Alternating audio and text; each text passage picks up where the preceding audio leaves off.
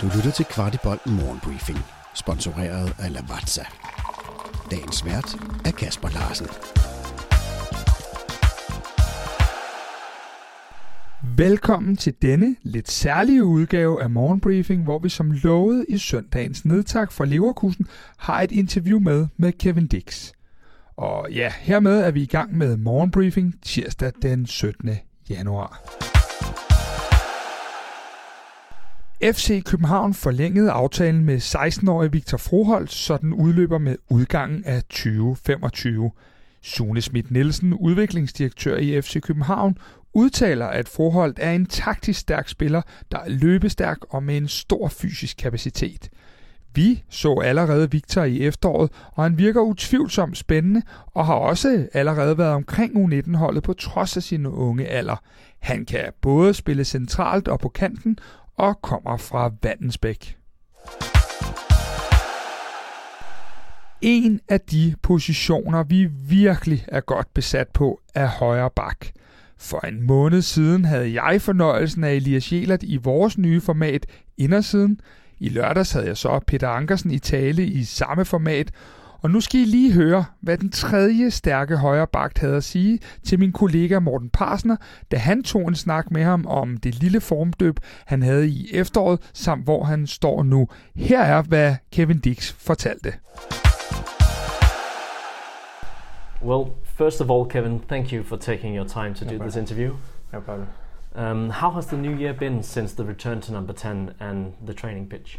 Uh, it's been good for me to have a break, uh, and now, yeah, we started fresh again.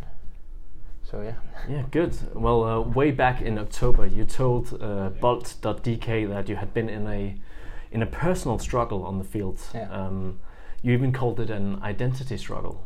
Um, but you also said that you have to go back to basics. Hmm. Uh, how is your return to your previous form going? yeah. It's, I think after the before the break, it was difficult uh, because we were ongoing in games and trainings. But I think I found a way in my head to get back, and now in the winter, I've been working really hard for myself.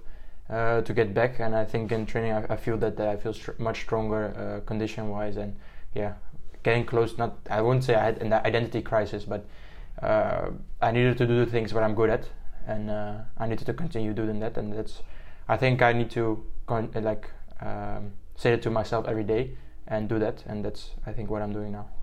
Yeah, exactly. You said that you you want you say that you want to go back to what you're good at doing. Yeah. Um, can you please elaborate what you mean by going back to basics, so to speak? Yeah, basics for me doesn't say basics for football. It's just basics for me, uh, what I'm good at, and that's how I play, uh, play and move, uh, use my strength, use my uh, power, and and and and don't get uh, distracted by other things. And I said this when I uh, have seen some of my old, old interviews and my games, and uh, I see what I do in that kind of games and what I say in interviews, and that's what I have to do when I'm like have confidence and uh, am at my game, uh, what I'm good at. And if I do that, uh, work hard every day, and don't, I cannot control everything, but if I can control myself and do everything I can, then I think it will be good.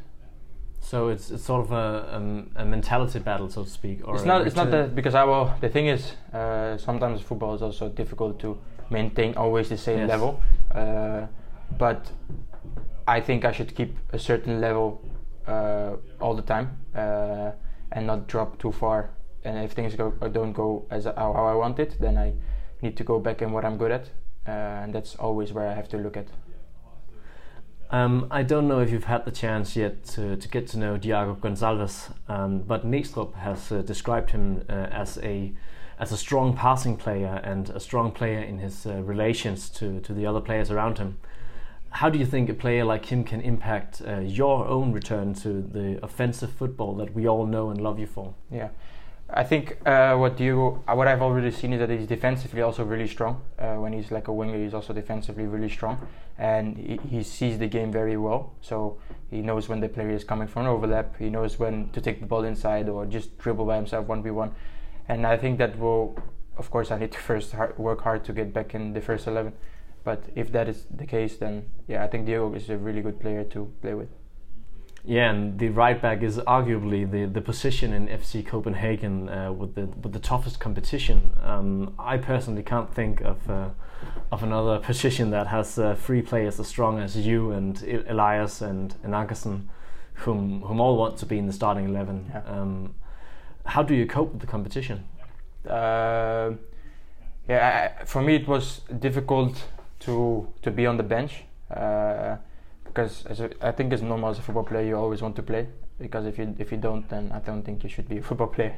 But I think what I say always what I had in the interview before is that I always should work hard uh, and then the coach can always decide who is going to play. And if I do everything what I can do then it's just up to the coach and you can't change the the, the yeah you can change the uh, opinion of the coach. But I mean you can't change the decision at the time. But if you do everything you can and do everything you are good at and what the coach asks you, then yeah, that's all you can do. But it's it's difficult, of course, to because this position is really like we have three right backs who wants to play and who's good to play. So that is difficult to to pick one also for the coach, I guess.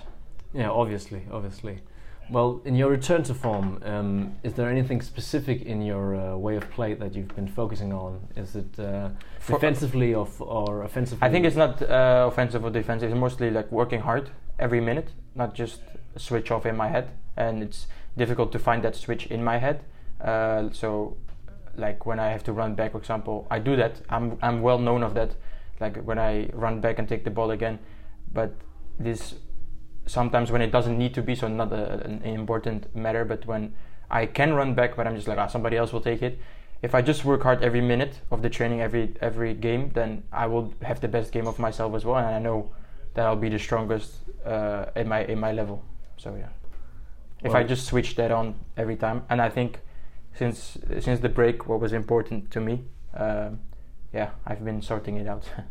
well, in any case, we all look forward to see how you and uh, the rest of the team uh, will fare in the spring season. Uh, I thank you very much for your time. No problem. see you. See you as well. Rigtig mange af jer har allerede fundet vej til Billetto og vores arrangement den 31. i første på Old Irish på Frederiksberg. Så skal du også med ind og lukke vinduet sammen med os, så skal du købe dig en billet på linket, som jeg smider i shownoterne. Vi får besøg af Jesper Grønkær, Benny Johansen, vi skal vende guldkampen, og så har vi ører og øjne på transfermarkedet og alt, hvad der rører sig, både i Superligaen, men specielt helt inde omkring vores FC København.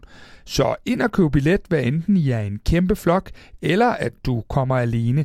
Aften er dedikeret til at være sammen om det, vi alle elsker.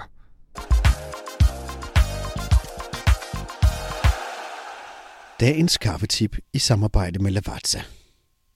Hvis muligt, så kværn altid dine kaffebønner lige før brygning, så opnår du et bedre kafferesultat og bevarer kaffens fulde aroma. Også selvom du brygger kaffe på traditionel kaffemaskine. Vidste du, at Lavazza har deres egen webshop, hvor du kan købe alle deres forskellige kaffer og endda vælge det som abonnement? De har blandt andet også kaffer, som du ikke finder andre steder i Danmark, som deres Espresso Maestro, som er økologisk og Rainforest Alliance certificeret. Du har lyttet til Kvartibolt Morgenbriefing. Vi er tilbage igen i morgen tidlig med byens bedste overblik over FCK-nyheder. Vi er meget interesserede i at vide, hvad du synes om vores morgenbriefing, og hvad vi kan gøre for at gøre den endnu bedre. Brug et par minutter på at give os feedback. Der ligger et link i shownoterne til et spørgeskema. Den her udsendelse kan kun blive til, fordi en del af vores lyttere støtter os med et lille måligt beløb. Vil du også støtte Kvartibold, så vi kan lave endnu mere kvalitetsindhold om FC København, så ligger der et link i shownoterne.